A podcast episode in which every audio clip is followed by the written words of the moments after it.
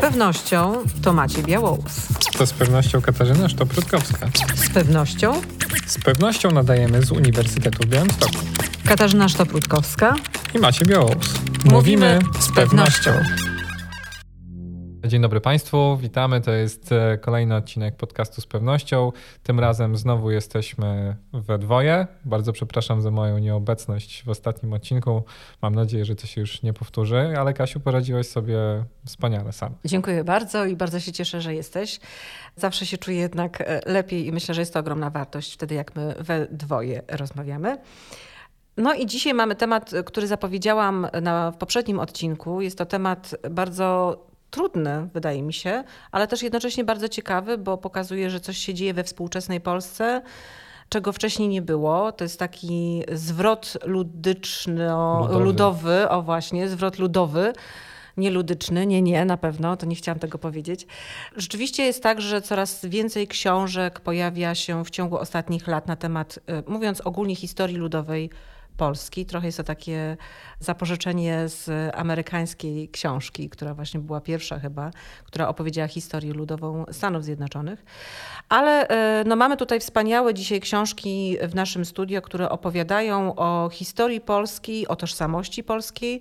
No z takiej perspektywy, która do tej pory chyba nie była mocno widoczna, obecna, zwłaszcza w podręcznikach szkolnych i w tym, jak opowiadaliśmy historię młodym pokoleniom. Tak, rzeczywiście tak jest. E, Trochę tych książek przynieśliśmy i nie powiemy na pewno o Zwłaszcza wszystkich, ty. ale e, przynajmniej o niektórych. Tak, to znaczy ja, ja przyniosłem w ogóle swoją pańszczyźnianą kubkę wstydu. To znaczy jak kupiłem bardzo wiele książek na ten temat, ale nie wszystkie jeszcze przeczytałem. E, Jestem w trakcie. Nie przyniosłem i ty też nie przyniosłeś, ale oczywiście trzeba chyba wspomnieć, bo tak naprawdę chyba takim największym e, kamieniem, który wpadł do tego ogródka w ostatnich latach jest e, monumentalna e, ludowa historia Polski Adama Leszczyńskiego, Tak. prawda? Mhm. Gdzie e, tak naprawdę też zakres historyczny tej książki jest potężny, bo w zasadzie on opowiada o tej historii chłopstwa, począwszy w ogóle od początków państwa polskiego po współczesność. Jest to na pewno takie dzieło, o którym bardzo było głośno w ostatnich też latach. To też jest bardzo ciekawe właśnie, bo wydaje mi się, że prze, jakby wyszło to z akademickiego nurtu, że te dyskusje na temat tej książki, prawda, były takie już poza akademickie. Tak, i bardzo dużo sporów zresztą też e, wzbudziło. No i wydaje mi się, że, że oczywiście nie możemy pominąć zupełnie e, milczeniem tej książki, natomiast też z tego względu, że ona jest jednak, e, ma swoją wagę, nie tylko merytoryczną, ale po prostu jest to bardzo gruba księga, więc dzisiaj chyba też chcielibyśmy polecić e, takie lektury, które być może są troszeczkę lżejsze, łatwiejsze do przyswojenia, a też wartościowe i, i warto o nich mówić. Ale zanim do tego przejdę, może tylko zadam Ci pytanie, bo ja się nad tym zastanawiam. Dlaczego według Ciebie akurat teraz ten zwrot ludowy w Polsce się dokonuje? No ja mam swoją hipotezę, ale to jest tylko hipoteza, bo nie znam, znaczy nie mam też dowodów e, takich naukowych na to, że jest to prawda. No wydaje mi się, że jednak jest to potrzeba konstruowania, czy też rekonstruowania tożsamości e, narodowej, dlatego że jesteśmy w okresie przemian i te ostatnie 30 lat no, sprawiło, że to pytanie, kim jesteśmy jako grupa, jako społeczeństwo, jako naród, jako grupa narodowa, stała się bardzo taką istotną kwestią. Na początku lat 90. pamiętam, jak wszyscy szukali właśnie swoich rodowodów szlacheckich i jak e, był taki wielki comeback e, tej idei szlachty, pochodzenia szlacheckiego. I to było takie nobilitujące i kompletnie nie mówiło się moim zdaniem wtedy o tym kontekście wiejsko-ludowym, e, chłopskim. Słowo pańszczyzna no, gdzieś tam była oczywiście w tle, ale jakby z innej, raczej patrzyliśmy na rzeczywistość e, z perspektywy dworku szlacheckiego. No i nagle okazało się, że przyszliśmy właśnie do tego ludowego nurtu i do poszukiwania tej odpowiedzi też właśnie w kontekście chłopskim. I bardzo dobrze, bo w końcu myślę, tak patrząc na nasze pochodzenie, jednak większość z nas ma pochodzenie przede wszystkim chłopskie, no z racji różnych katastrof y, takich wojennych, wyniszczania elity z okresu przedwojennego przez okupację, no stało się tak, że jednak jesteśmy potomkami chłopów. No ja jestem, i- no i jestem z tego dumna, tak. I też mogę to powiedzieć, że dla mnie jest to też jakiś taki ważny element mojej tożsamości. Więc dla mnie jest to jednak coś bardzo głębokiego. Jest to pewien wskaźnik tego, że próbujemy na nowo odpowiedzieć sobie na pytanie zbiorowo, kim jesteśmy. Moje jakieś takie intuicje są podobne, e, wydaje mi się, chociaż ja bym też e, być może bardziej zaakcentował taki, takie aspekty polityczno-ekonomiczne. Znaczy wiesz, teraz e, w głowie mam, na pewno widziałaś to też wielokrotnie na różnych serwisach społecznościowych, w, w bio hasło szlachta nie pracuje na no przykład, no tak. prawda? To jest nasze takie wyobrażenie o tym, że właśnie szlachta zajmuje się życiem godnym, dobrym i bez przesadnego wysiłku. Natomiast wydaje mi się, że jakby ja bym powiązał też ten zwrot ludowy właśnie z e, tym, o czym rozmawialiśmy i o czym pisał na przykład Tomasz Markiewka właśnie w książce Gniew, że pewien taki mobilizujący potencjał gniewu, takiej emancypacji politycznej, ale też ekonomicznej, zwrócenie uwagi na przykład na trudną pozycję ekonomiczną i próby wyjścia z tego, mogą wiązać się też z potrzebą e, jakiejś takiej nowej właśnie więzi, tożsamości, którą można oprzeć na przykład właśnie o taką chłopską e, przeszłość i taką wielowiekową historię tak naprawdę nierówności, niesprawiedliwości, przemocy, wyzysku politycznego, ekonomicznego. Więc to może być też bardzo poręczne narzędzie, które może służyć w takich wydaje mi się, współczesnych frontach wojen kulturowych czy politycznych. No to jest ciekawe, co mówisz, bo też patrząc, a to już taki wątek bardzo poboczny, właśnie na tą mobilizację polityczną, no mam takie poczucie, że to akurat na przykład Prawo i Sprawiedliwość dobrze umie wykorzystać i ma taki kontakt, że tak powiem, z e, obecnymi mieszkańcami wsi, którzy nie są chłopami, tak? ale jakby odwołuje się trochę do tej tradycji, a na przykład mam takie poczucie, bo te książki, które przynieśliśmy, one są jednak związane też z takim środowiskiem lewicowym, że lewica lubi pisać o tej przeszłości, ale co do współczesnych chłopów, rolników ma problem, tak, w takim odniesieniu się i w zbudowaniu jakiejś relacji, tak? I odniesieniu się do ich problemów obecnych. To prawda, ale na mhm. pewno jesteśmy w jakimś też momencie procesu, prawda? Więc mhm. E, zobaczymy, w, jak to będzie się rozwijać. Natomiast przechodząc do, do książek, bo tak naprawdę rzeczywiście wziąłem całą kubkę, żeby też pokazać i uzmysłowić, jak dużo się e, na ten temat pisze, a na pewno to nie jest wszystko. Ty masz ze sobą książkę, e, którą ja też znam, ale już jej nie przynosiłem, bo wiedziałem, że będziesz o niej mówić, czyli Hamstwo Kacpra Pobłockiego. Ja przyniosłem e, też Pańszczyznę Kamila Janickiego, śladami Szeli Piotra e, Korczyńskiego i Bękarty Pańszczyzny Michała Rauschera i może o tej książce powiem kilka słów, ponieważ e, no, wydaje mi się, że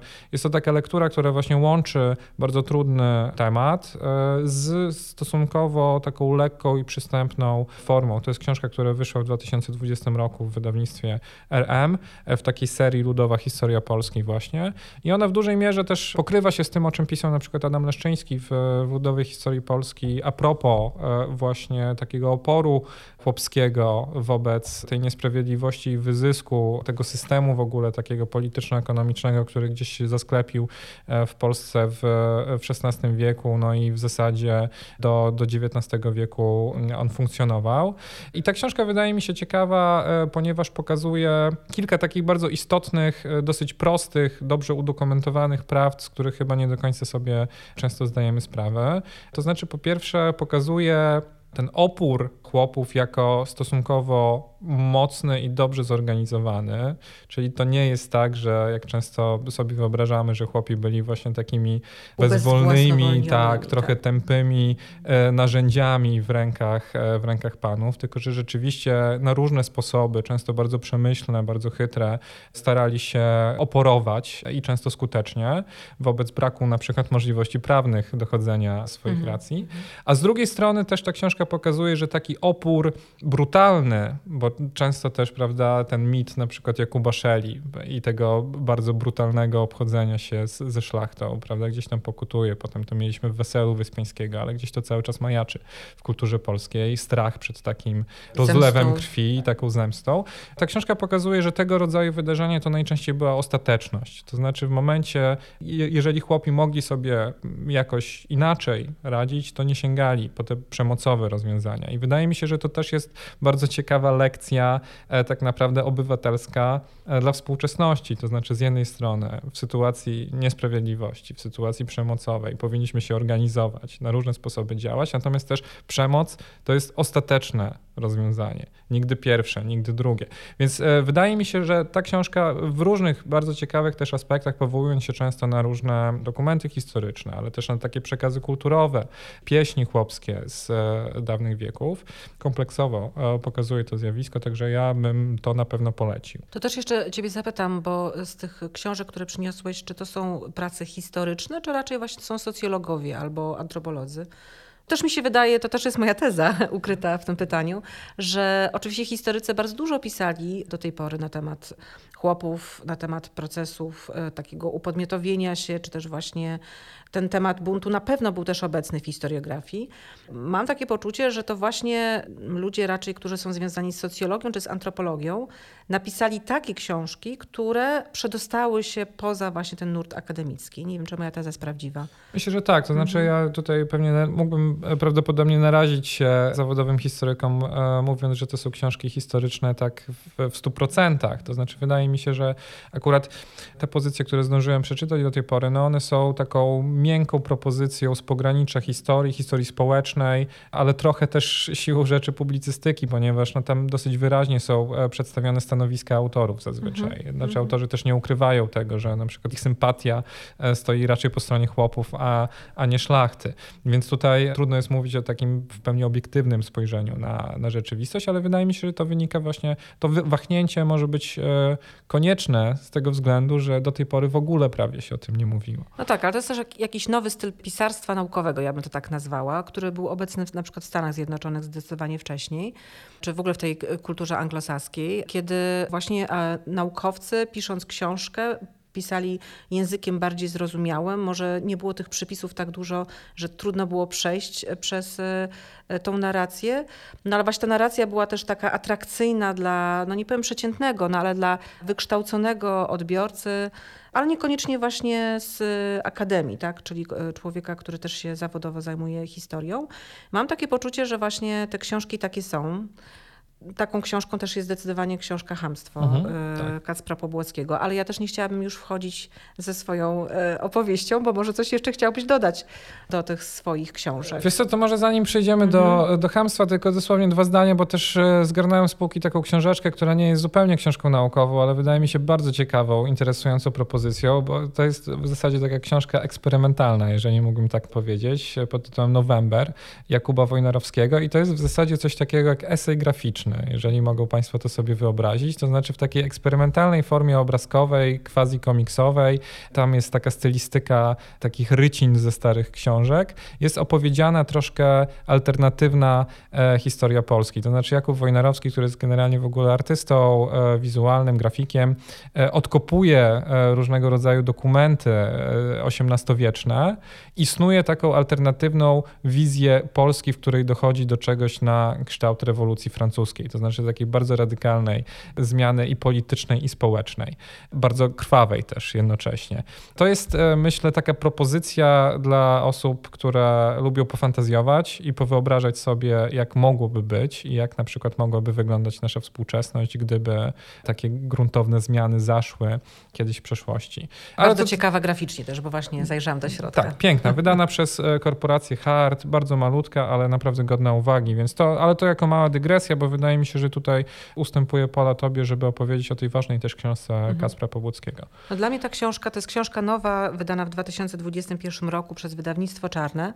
Sam autor zresztą mówi, że nie jest to książka akademicka. On w jednym z takich wywiadów powiedział, że jest to książka, którą nazwał chyba esejem historycznym, jeżeli dobrze pamiętam. Bardzo mi się to podoba, bo to jest też takie, myślę, że eseje jest to bardzo dobra forma i nazwa na to, w jaki sposób ta książka jest napisana, bo jest to książka pełna emocji.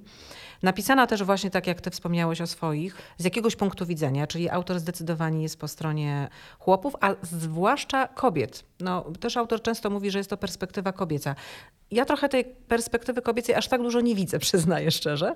No może, może też miałabym e, w, z takiej perspektywy kobiecej właśnie większe wymagania, żeby tych kobiet było w tej książce więcej. Tak, to, ale, ale mhm. powiedzmy o tym, bo to mhm. jest bardzo ważny problem, ale to też jest problem w takich dociekaniach historycznych, bo ile w ogóle jest niewiele źródeł e, mówiących o życiu chłopów, prawda, mm -hmm, jako tej klasy, która po prostu była podporządkowana, e, to jeszcze mniej jest źródeł o życiu kobiet, kobiet z tej klasy, tak. bo tak naprawdę jeżeli są jakieś na przykład przykład dokumenty sądowe, prawda, to zawsze to gospodarz, chłop, prawda, a nie chłopka jest tam e, re reprezentowana. Tak więc to jest oczywiście bardzo duży problem, na który też między innymi Adam Leszczyński zwraca uwagę tak, w swojej książce. Tak. No i to, co powiedziałeś, to też e, od razu nas zaprowadza do moim zdaniem jeden z takich ważniejszych wniosków z tej książki. Autor mówi o tym, że w rzeczywistości e, na przykład nie mieliśmy do czynienia z gospodarką folwarczno-pańszczyźnianą, tak jak to zazwyczaj w podręcznikach mówimy i piszemy, tylko folwarczno-patriarchalną.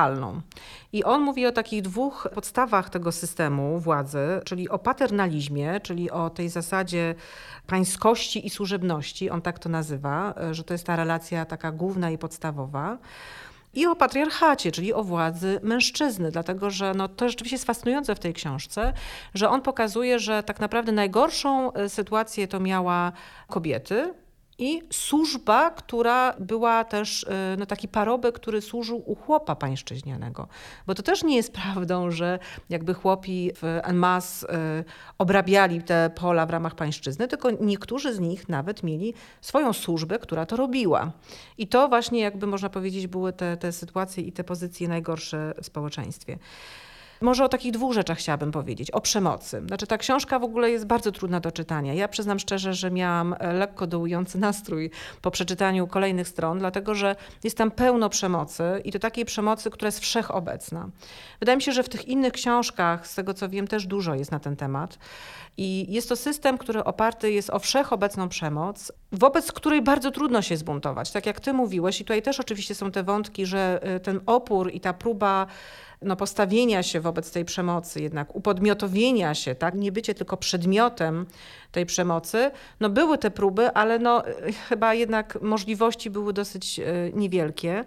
No i ta przemoc była rzeczywiście czymś, co konstytuowało relacje pomiędzy panem a e, osobą służebną, tak jak to nazywa Popłocki, no bo mhm. jakby oczywiście to nie zawsze też był tylko i wyłącznie chłop ten stosunek poddańczy w Polsce, on w ogóle nazywa Polskę w, w swojej książce Polszczą. To też mi się wydaje, że jest to pewien zabieg, no to jest jakby starodawne określenie, mhm. żeby też nie robić takich prostych analogii do współczesnej Polski, no bo to jednak kompletnie inna Polska, no tak? tak. I on właśnie mówił o tym, że ten stosunek poddańczy miał takie trzy aspekty. To był właśnie osobisty, czyli że pan tak naprawdę rozporządzał ciałem wręcz tak, tego y, poddanego. Na przykład jakiś inny pan kupował ziemię, no to kupował właśnie duszę, tak, czyli kupował ludzi, którzy są y, na tej, na tej ziemi i jakby no, chłop nie miał absolutnie tutaj nic do powiedzenia, tak, czy to osoba właśnie, która mieszkała. Po drugie, to było takie poddaństwo gruntowe, czyli że poddany był przywiązany do ziemi i nie mógł ją opuścić, czyli to też było takie no, niesamowite, że jakby no nawet nie było oprócz ucieczki, bo o tych ucieczkach też była mowa, takiej możliwości wyboru miejsca, w którym się jest. Nawet oni nie byli bardzo często na przykład y, właścicielami swojego gospodarstwa. Co też jest bardzo ciekawe, no bo też nam się wydaje, że chłop to jest ten, który jest właśnie gospodarzy u siebie. Mamy takie wyobrażenie, że to jest ten, który posiada to domostwo. Wcale tak, wcale tak nie było.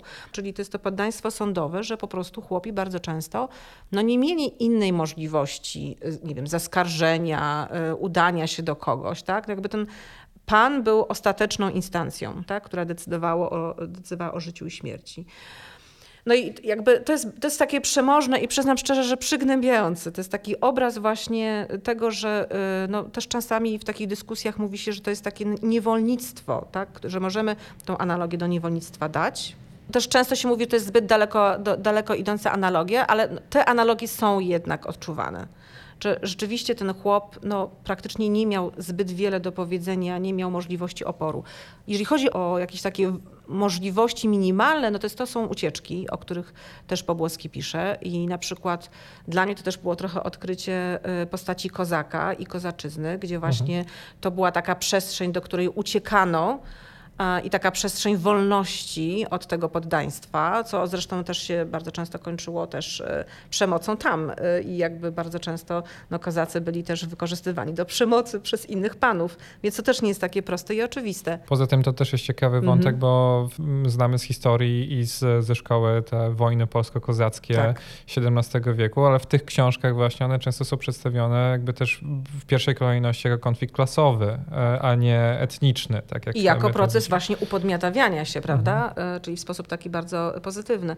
Bardzo ciekawy wątek też Arian. To też dla mnie było odkrycie, czyli no, pewnego nowej denominacji, która się pojawiła w Polsce, ponieważ Arianie na początku no, mieli też bardzo duży taki kontekst ludowy. To bardzo często byli właśnie chłopi, którzy mówili o tym, że jakby posługując się chrześcijaństwem, że wszyscy powinni być jednak równi, że nie powinno być tego stosunku poddaństwa. No też wątek, przyznam szczerze, dla mnie dosyć odkrywczy. No i trzeci taki element to byli budnicy na kurpiach. To też bardzo ciekawe. To byli ludzie lasu, którzy mieszkali i też to byli tacy uciekinierzy, którzy mieszkali w niedostępnych przestrzeniach leśnych i budowali swoje własne wspólnoty. No trzy wątki takiego upodmiatawiania się tego chłopa w sposób taki radykalny, tak? No oczywiście mam jeszcze bunty, o których ty wspominałeś, no które w, w historii Polski mam wrażenie, że są bardzo, bardzo mało obecne albo obecne w ogóle w innym kontekście.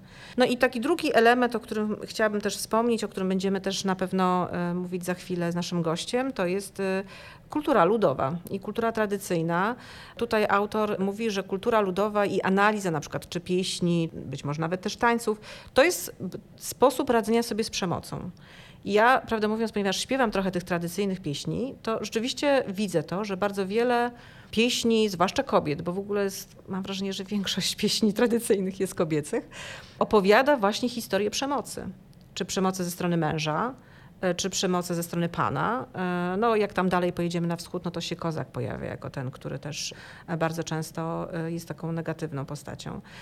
No, nagle okazuje się, że ta kultura ludowa jest taką przestrzenią oporu też taką, którą można było oczywiście zrealizować w tamtych czasach i w takich warunkach. Co jest też ciekawe o tyle, że obecnie wydaje mi się, że rzadko myślimy o kulturze ludowej właśnie w tym kontekście. To znaczy często dla nas to jest odkrycie, że rzeczywiście mhm. tak wiele trudnych spraw, właśnie przemoc, poddaństwo, bunt, to są tematy, które rzeczywiście też tę kulturę wypełniały. To nie jest tylko, prawda, nie wiem, dożynki, prawda, takie kolendy, prostu, tak, wielkanocne tak. pieśni, aha, tak, aha. i jakieś takie inne obrzędowe rzeczy. Tak, zdecydowanie.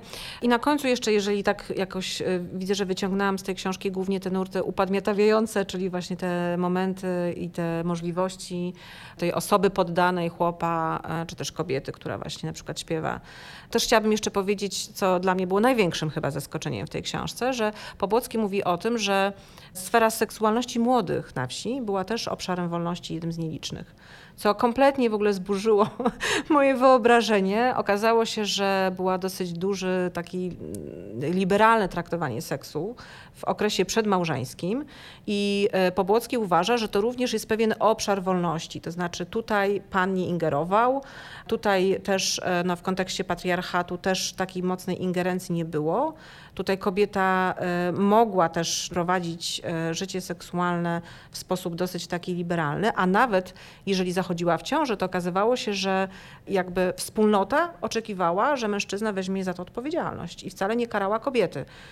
No dla mnie to też mała rewolucja e, w głowie się zrobiła, bo miałam kompletnie inny obraz. No i to też jest ciekawy przykład tego, co może być e, takim obszarem oporu i wolności, budowania tej wolności tak, wokół siebie. Natomiast to też ciekawe, jak to się zmieniało potem już e, w małżeństwie, bo te kwestie związane z seksem pozamałżeńskim na przykład już były często sekcjonowane No bo prawnie. to już był pan, e, czyli mąż. Tak, ale nie tylko. To znaczy tutaj chodziło na przykład o ciągłość ekonomiczną gospodarstwa domowego, prawda? Ale też o taką, mówiąc e, takim językiem dwudziestowiecznym Michela Foucault, na przykład mhm. o biopolitykę. To znaczy też e, panu szlachcicowi zależało na tym, żeby mieć nowych poddanych, prawda? Ponieważ to jest siła robocza, e, która e, będzie procentowała w, przyszłości. Tak więc oczywiście panu też zależało na tym, żeby te rodziny były stabilne. No i z punktu widzenia też mężczyzny, tego gospodarza to też było ważne, dlatego że to też była siła robocza dla niego, bo to właśnie dzieci i służba były bardzo często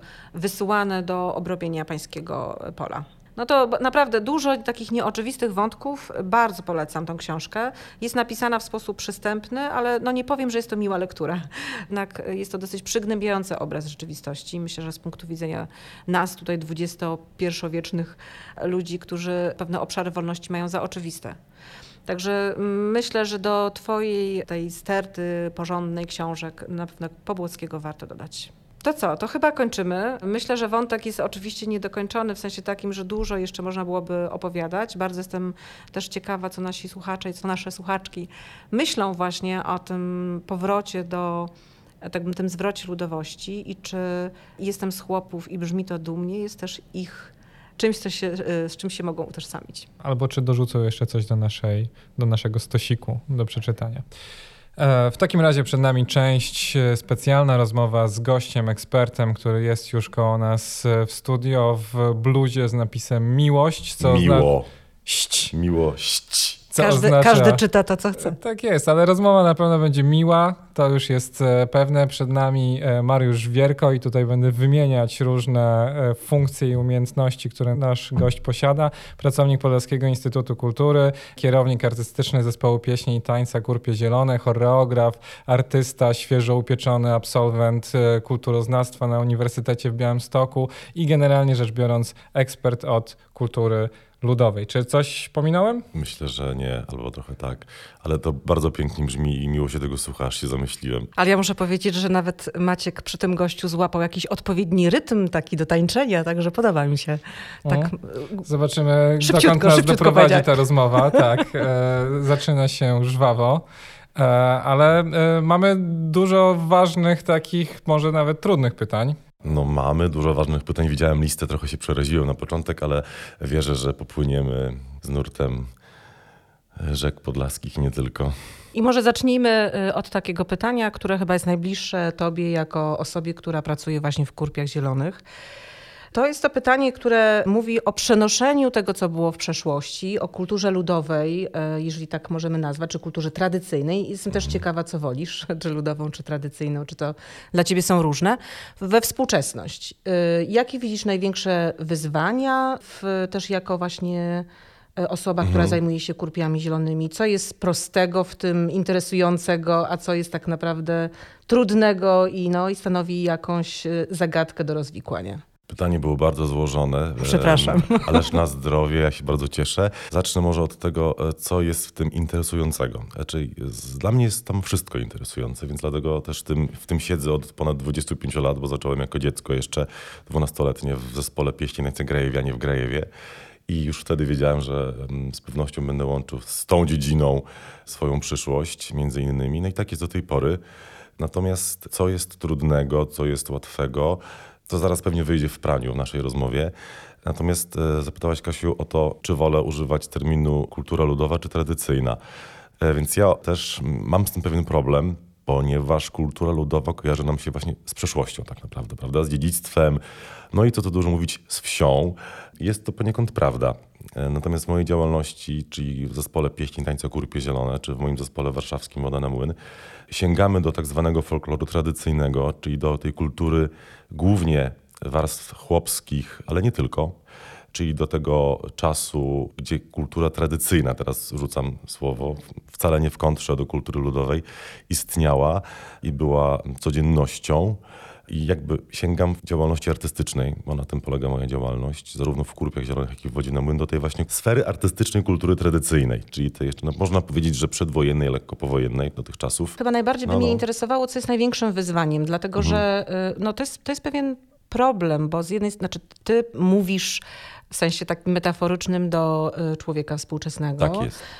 Y, nie przenosisz z tego też, co wiem, no, w sposób taki 100% jakby kopiuj w klej, no bo są też takie tradycje, kiedy na przykład śpiewamy incrudo, jeżeli dobrze pamiętam, to się nazywa, czyli tak dokładnie jak, tak. jak było wcześniej, ale raczej przetwarzasz tak, pewne rzeczy. Czy to jest. Ja przetwarzam. Jest, no właśnie. Nie tylko ja, ale większość, mhm. większość grup artystycznych działających w Polsce, w, zajmujących się folklorem, tak zwanym, potocznie nazywanym folklorem, bo do tego też pewnie za chwilkę przejdziemy, przetwarza wszystko, co jest wyrwane z kontekstu, co jest nawiązaniem, nawet śpiewanie incrudo w dzisiejszych czasach przez różne zespoły miejskie. To już jest w ogóle e, inny poziom abstrakcji, czyli ta forma czysta, niezmieniona, incrudo, zostaje przeniesiona z kontekstu wiejskiego dawnego do kontekstu miejskiego. To już nie jest kultura ludowa tak naprawdę, to jest kultura współczesna. W tym przypadku mniej przetworzona, bo jest to taki nurt od paru, nie wiem, 10-15 lat, nie tylko w Polsce, ale w Europie i poza Europą również, żeby jednak tej kultury ludowej w cudzysłowie nie przetwarzać, nie modyfikować, nie nadawać jej nowych wartości i opartych często na polityce i na innych potrzebach niezwiązanych w ogóle z potrzebami codziennościowymi, tak zwanymi, co z potrzebami e, budowanie jakiegoś wizerunku narodowego na przykład, czy też wizerunku tożsamościowego. Więc e, te nurty inkludowe, jak to je nazwiemy, czy tak zwane purystyczne, są wciąż elementem kultury współczesnej, bynajmniej nie ludowej. Natomiast w działalności zespołów pieśni i tańca, takich jak prowadzę w, w Białymstoku, czy działalności zespołu Woda na Młyn, który prowadzę w Warszawie, który jest totalnym współczesnym pop kulturowo, folkowo, popowo odpałem, jak to czasami mhm. mówię, bo tam przepuszczamy, no mamy takie hasło nawet swoje. Tak, każda marka musi mieć nazwę, logo, kolor i jeszcze podhasło. Więc mamy, przepuszczamy folklor przez pryzmat naszej wiejsko-miejskiej wrażliwości. Więc wszystko, co, co się dzieje w zespołach, nie tylko w moim odczuciu, jest przepuszczaniem przez pryzmat swoich doświadczeń, artystycznych uniesień i wrażliwości. Jest to cały czas wykorzystywanie, korzystanie. Słowo wykorzystywanie użyłem e, z premedytacją. Ale w sposób pozytywny. To wykorzystywanie niepozytywne to już się wiąże z, albo ze świadomością osób, które prowadzą tego typu zespoły jak ja, e, z ich wiedzą często, ale też w tym, w jakim środowisku społeczno-kulturowo-politycznym się odnajdują i jakie mają wyobrażenie na temat kultury ludowej. O, myślę, że to jest chyba najlepsze określenie. To, co my dzisiaj robimy, jest wszystko wyobrażeniem na temat kultury ludowej, a myślę, że teraz tych dużo pozycji książkowych, które w ostatnim czasie się pojawiły, na przykład Hamstwo, Pańszczyzna, Śladami Shelley i Karty Pańszczyzny, to są książki, które próbują walczyć z mitem, stereotypami dotyczącymi pojęcia kultura ludowa slash tradycyjna albo i chłopska, bo to też można rozdzielić. Ostatnio wyszła książka pani Ewy Klekot, Problemy ze sztuką ludową. Jestem w trakcie jej przetwarzania i odświeżania sobie wiedzy dość świeżej jeszcze, na dobrą sprawę, o tym, czym jest de facto kultura ludowa i że tak naprawdę kulturę ludową stworzyli ludzie z miasta. Bo to, co tworzyła wieś, czyli warstwy chłopskie głównie oraz może też szlacheckie, no każda tam grupa społeczna swoja, nigdy nie było nazywane przez nich sztuką ludową. To było no, to, to nasza codzienność. Mhm. Że ten folklor, jak ja go rozumiem i myślę, że też coraz częściej tak jest rozumiany, nie jest to tylko tak zwana sfera artystyczna, sztuka wiejska ludowa, co raczej jest to, jak to ładnie powiedział e, jeden z moich ulubionych współczesnych badaczy, pan profesor Roch Sulima, jest to sposób życia w świecie, codzienność tak naprawdę. Mówiłeś e, dużo tutaj o tych współczesnych procesach przetwarzania, wykorzystywania e, mhm. tej kultury ludowej. Zastanawiam się, czy według Ciebie są jakieś granice, jakieś limity, których e, nie powinno się przekraczać, bo tak naprawdę są, wydaje mi się, takie oczekiwania dzisiejszego rynku, że wszystko musi być bardzo atrakcyjne i mhm. rzeczywiście wszystko da się też pewnie z różnych perspektyw i w, w rozmaity sposób przetwarzając pokazać, również kulturę ludową. Czy w, jednak są takie rzeczy, które na które ty patrzysz jednoznacznie krytycznie. Jakieś takie, co mi przychodzi do głowy, na przykład występ na Eurowizji kilka lat temu e, polskiego rapera w stylu folko, hip-hopolo. Mhm.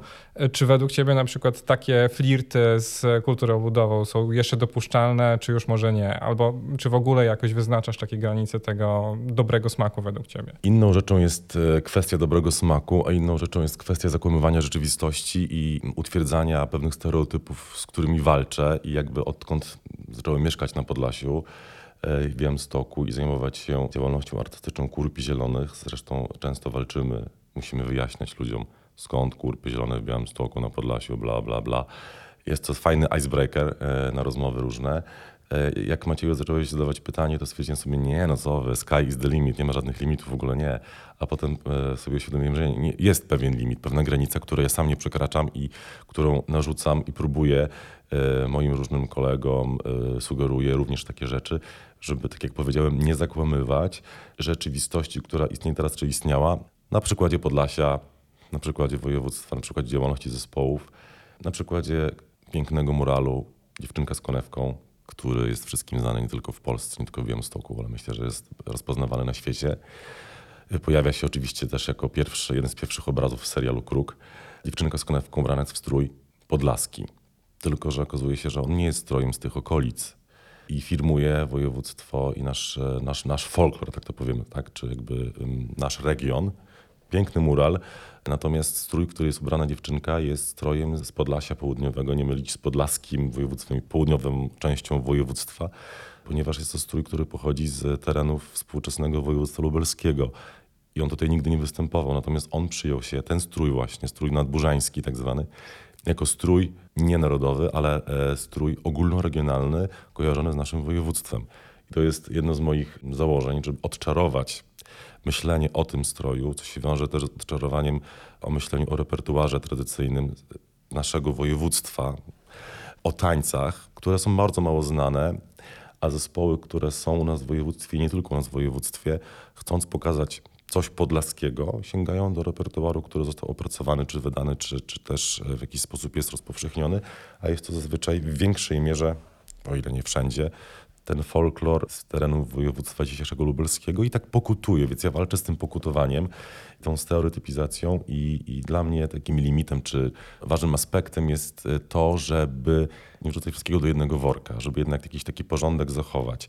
Innym przykładem jest to, żeby jak zespół, nie wiem, przygotowuje repertuar e, z jakiegoś regionu i mówi, że pokazujemy tańce krupiowskie, pokazujemy folklor podlaski, to jednak, żeby tam nie wrzucać wszystkiego mm, z różnych regionów, to się rzadko zdarza, a żeby nie przekształcać tak mocno tego materiału tradycyjnego, żeby on już nie miał nic wspólnego z tym, co faktycznie występowało na danym terenie, czy wykonywane, czy było częścią jakiejś codzienności danej społeczności, którą chcemy zaprezentować. Tym bardziej, że jak idziemy gdzieś tam w Polskę na festiwal, czy, czy na, pokazujemy się też w środowisku, które niekoniecznie się na tym zna, to jednak pozostawiamy po sobie jakieś wrażenie, ktoś się może zainteresuje.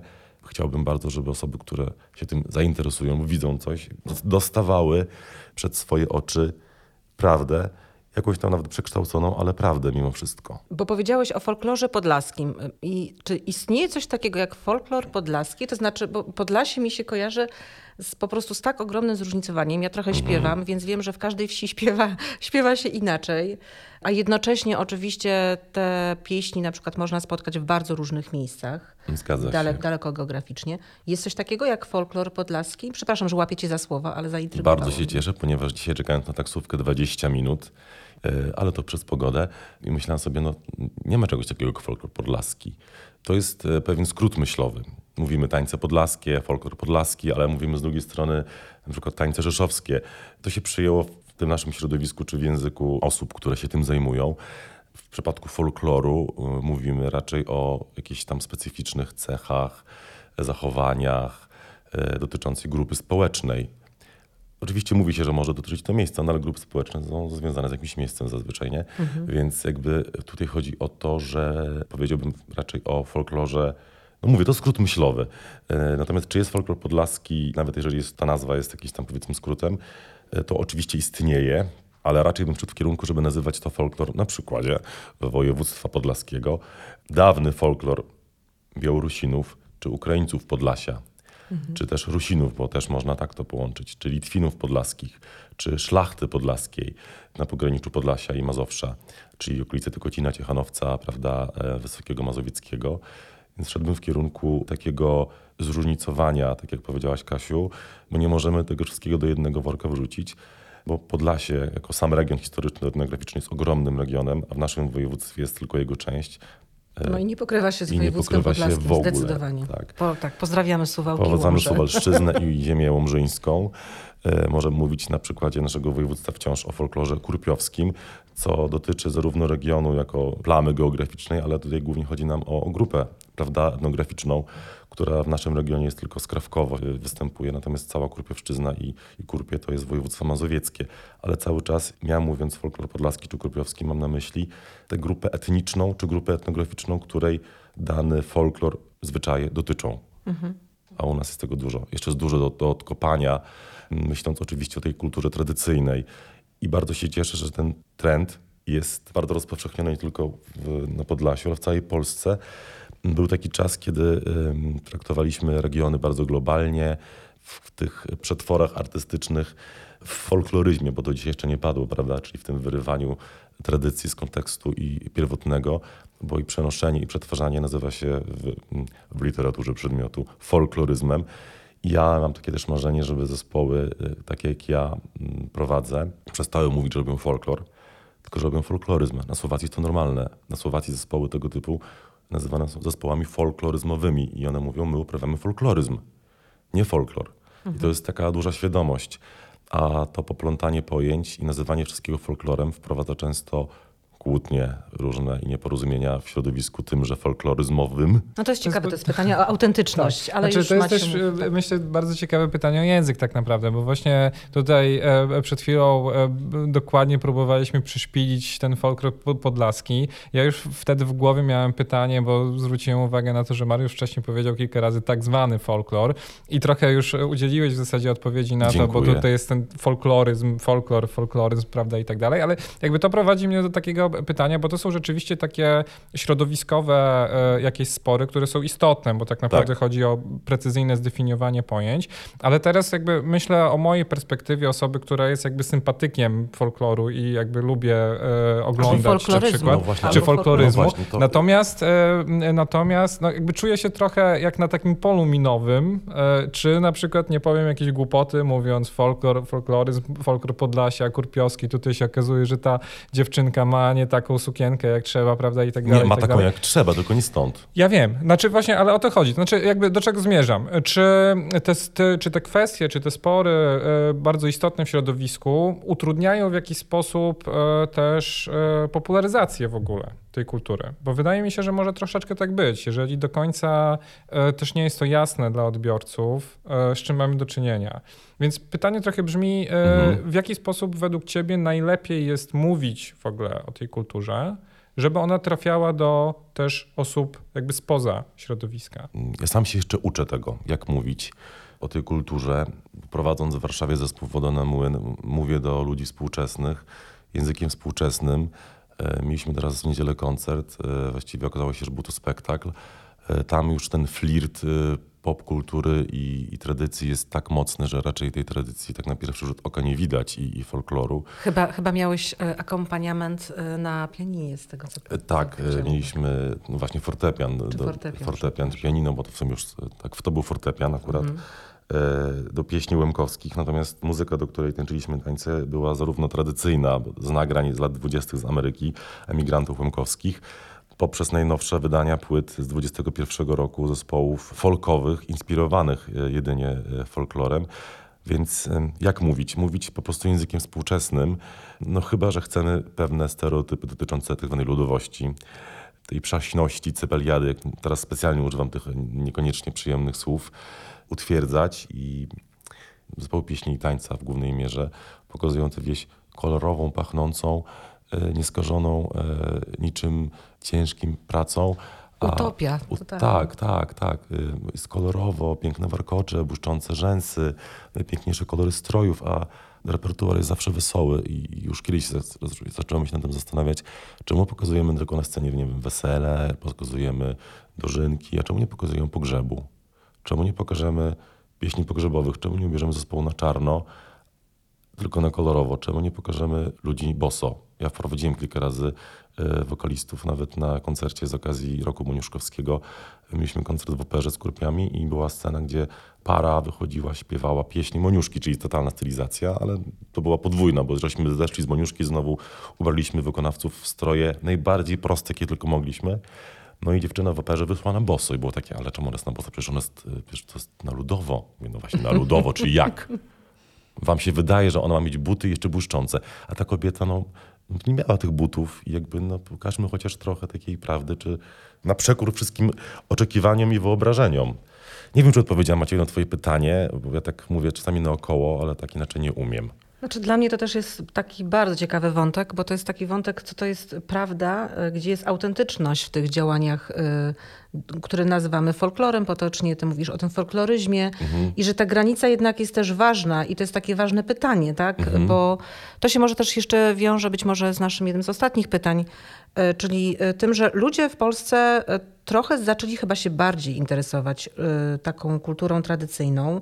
No mam takie poczucie, że zarówno nie tylko tutaj na województwie podlaskim, że te zespoły, które korzystają właśnie z tych zasobów tradycyjnych, stają się coraz bardziej popularne, coraz więcej osób śpiewa, być może mhm. tańczy też. Tak, tak. Skąd to się bierze? Czy y, jakby w Polsce widzisz jakiś przełom i potrzebę znajdowania innej tożsamości niż ta szlachecka? Bo no jeszcze całkiem niedawno to raczej wszyscy szukali herbów próbowali znaleźć jakieś pochodzenie szlacheckie w swoich rodzinach, a Mhm. tutaj nagle, no nie chcę tego nazwać chłopomanią, bo to też jest brzydkie słowo, ale y, no nagle okazuje się, że ta kultura tradycyjna jest bardzo atrakcyjna. Ja raczej nie szedłbym w kierunku szukania tutaj tożsamości, bo nie robiłem takich badań, nie wiem, pewnie są w środowiskach inkludowych, czy też wśród osób, które zajmują się, interesują, wykonują, śpiewają i tańczą e, tańce w formach nieopracowanych.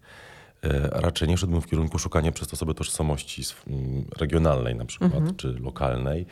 To raczej na sposób na spędzanie wolnego czasu w kontrze do tego, tej ludowości pudrowanej, tak bym to nazwał. To jest przełom. Mm, Wiele osób z tych środowisk, tych inkludowych, oczywiście pochodzi ze, ze, ze środowisk folklorystycznych, ale powstały pewnego rodzaju subkultury, które organizują się wokół wspólnych spotkań, wspólnej pasji i tą pasją jest tańczenie tańców tradycyjnych, niekoniecznie z naszego regionu, niekoniecznie z tej okolicy, ale właśnie w formach takich użytkowych poza sceną. Funkcja tańca tradycyjnego i pieśni tradycyjnych zostaje przeniesiona w 100%.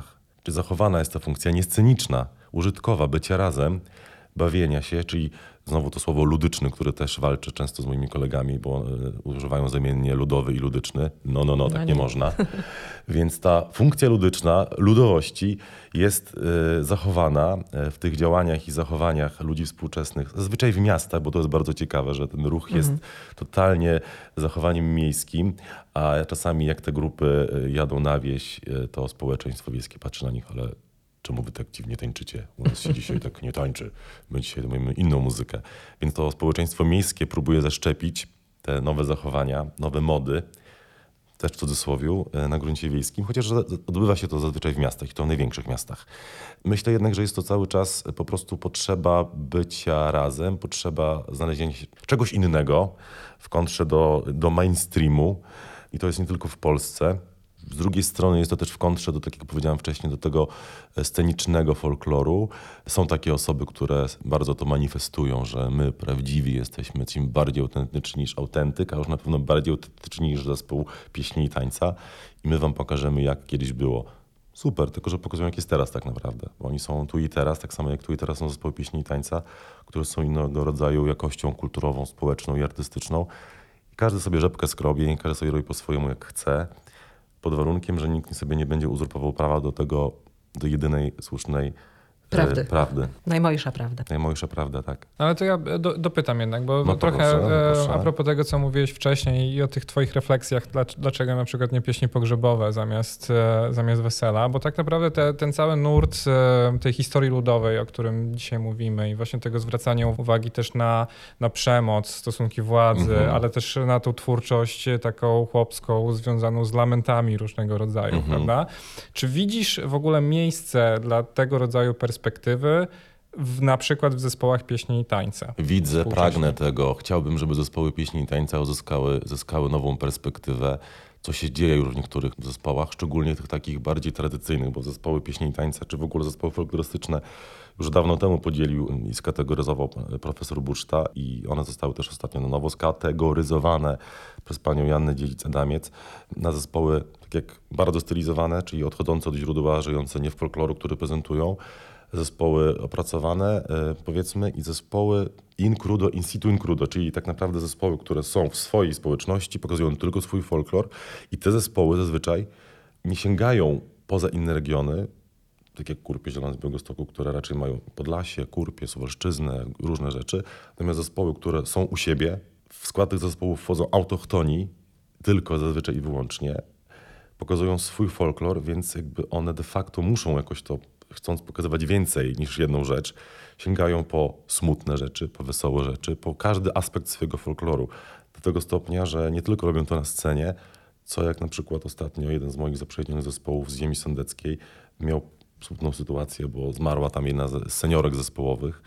To nie dość, że została zorganizowana msza święta, gdzie byli wszyscy w strojach, nie jako przybierańcy. Dla nich to było tak ważne święto, tak ważne i smutne wydarzenie, że oni przez cały okres też po pogrzebie, po, po, wszystkim uświęcali to spotkaniami w strojach, a na pogrzebie też byli w strojach i śpiewali pieśni pogrzebowe i pewni też będą to robić jeszcze dalej, więc ten folklor X staje się takim fak- faktycznie folklorem użytkowym tu i teraz, ale też dużo zespołów szczególnie tego typu, szczególnie w górach, ale nie tylko, prezentuje na scenie nie tylko rzeczy wesołe, też związane z takimi e, smutnymi aspektami życia ludzkiego. I mi bardzo by zależało, żeby zespoły bardziej opracowane otwierały swoje głowy i, i biblioteki często, które są przepastne, na rzeczy nie tylko, tak jak dzisiaj powiedziałem, wesołe, delikatne i upudrowane, a najbardziej śmieszą mnie zestawienia na scenie, kiedy po Mazurze Kontuszowym, czyli najbardziej szlacheckim tańcu, uszlachconym, polskim, e, wychodzi nagle grupa tańcząca e, wiejskie tańce e, z jakiegoś tam regionu, to jeszcze pół biedy, bo to jakiś tam powiedzmy koncept artystyczny, a już największym hitem jest jak tańczy sobie szlachcic w kontuszu albo żołnierz y, z okresu księstwa warszawskiego z wieśniaczką w stroju łowickim i jakby nic nie ma z tym problemu. No raczej, no sorry, tak się nie działo. No, realizacja jakiejś utopii, że wszyscy się kochali i nie było tak, przemocy. Jedna wielka, kolorowa, jedna wielka, jedna wielka wspaniała tak. kolorowa Polska w tym momencie. Nie wszyscy się kochali i było pięknie nie było klas społecznych. Nie, Bardzo no, fascynujący jest ten wątek właśnie takiej autentyczności, prawdy, zakłamania, ale oczywiście nie, nieświadomego, bo nie, rozumiem, to... że jest to pewna koncepcja artystyczna, tak, tak. Ale, te, e, ale moim zdaniem ten przekaz i konsekwencje tego są bardzo mocne, tak? no bo się. jednak jest to zakłamywanie dosyć mocnych historii, to tak jak w podręcznikach, tak? O tej przemocy jednak e, w mhm. systemie chociażby pańszczyźnianym, no nie mamy zbyt wiele informacji w takim no przekazie mamy. potocznym. Myślę, że jakby mhm. to, co powiedziałaś, to jest nieświadome i często po prostu wynika to z, no, z niewiedzy albo po prostu z takiej konstrukcji artystycznej czy pewnego po prostu nurtu artystycznego. Tak mamy, no mamy, mamy takie stroje, mamy takie stroje, więc pokażemy to na scenie. Nie wnikamy za bardzo w, w, w jakieś tam zaszłości historyczne. No, będzie ładny obrazek i tyle. A jednak obrazek zostaje w oczach mhm. e, i każdy sobie go tam zinterpretuje e, bardziej lub mniej. A jednak jest to jakieś tam cały czas wyjście do, do, do widza czy do odbiorcy i pozostawiamy po sobie i, i, jakiś ślad, nie? Nie mogę sobie przypomnieć, jest taki zespół, który nagrał kilka kilkanaście, może nawet lat temu, takiej pieśni buntu chłopskiego. Na pewno będziesz kojarzyć. Ruta? Bo, o, Ruta, o tak, właśnie. Tak, tak byłam nawet w Białymstoku na, na ich koncercie. I to był dla wielu osób też szok, tak? Że takie teksty mhm. E, pełne gniewu, e, no, pełne też takiego, e, takiej chęci rewanżu, no, były w tej kulturze, tak? No bo to były teksty autentyczne, zebrane rzeczywiście przez nich. Wystarczy więc... sobie przejrzeć Kolberga, jego mhm. milion tomów i poszukać pieśni. One są tam tematycznie ładnie ułożone zazwyczaj. Co tam się dzieje? Naprawdę. Tylko zazwyczaj jak ktoś wybiera repertuar zespołów, mówię zazwyczaj o zespołach pieśni i tańca, bo w tym siedzę też, to się szuka takich lekkich, przyjemnych, żeby było miłość, żeby było miło. Tam ktoś zabija, no gdzie? A przecież mamy tyle motywów literackich w literaturze, w folklorze polskim, nie tylko polskim, mrocznych rzeczy. Jedną z piękniejszych pieśni, którą też udało mi się ostatnio sprzedać, jest pieśń pogrzebowa z Grudzińszczyzny, e, z polskiej społeczności. Poznałem ją kiedyś na płycie zespół swoją drogą. Jakby się nie znało tekstu, to słucha się tego, Boże, jaka piękna kołysanka. A potem się wnika, że to jest pieśń o tych, że śpiewają sieroty, że matka im umarła, co z nimi będzie. I sprzedam ją ostatnio koledze, który przygotowuje się do dyplomu, bez tekstu i nie wiedział właściwie o czym jest i tylko zinterpretował muzykę, a potem mówi, no zobacz, o tym to jest ta piosenka. Mówi, hm, faktycznie, trudny temat. Mówię, no trudny to możesz dosyć tych kolorowych maryn w warkoczach, tylko zrób coś smutnego, nie? No tak, ale no chyba puenta będzie taka realistyczna. Ja bym wiedziała, że smutna. No bo, realistyczna, Żebyśmy tak. nie odwracali się od smutku. To jest taka puenta, którą ja biorę do siebie. Tak jest. Otwierajmy się na wszystkie emocje, w folklorze i folkloryzmie również. Bardzo, bardzo dziękujemy. Dziękuję bardzo. E, myślę, że odkryliśmy jakieś nieznane lądy dla siebie i dla naszych słuchaczy i dla naszych słuchaczek dzięki tej rozmowie. Bardzo, bardzo dziękuję, dziękuję za zaproszenie i za odkrywanie porannych lądów. Do zobaczenia i do usłyszenia. Do usłyszenia. Do usłyszenia. Na końcu świata to my, Uniwersyteckie Centrum Podcastów. Na końcu świata. Na końcu świata. Na końcu, na końcu, Uniwersyteckie Centrum Podcastów. Na końcu świata. Zapraszamy.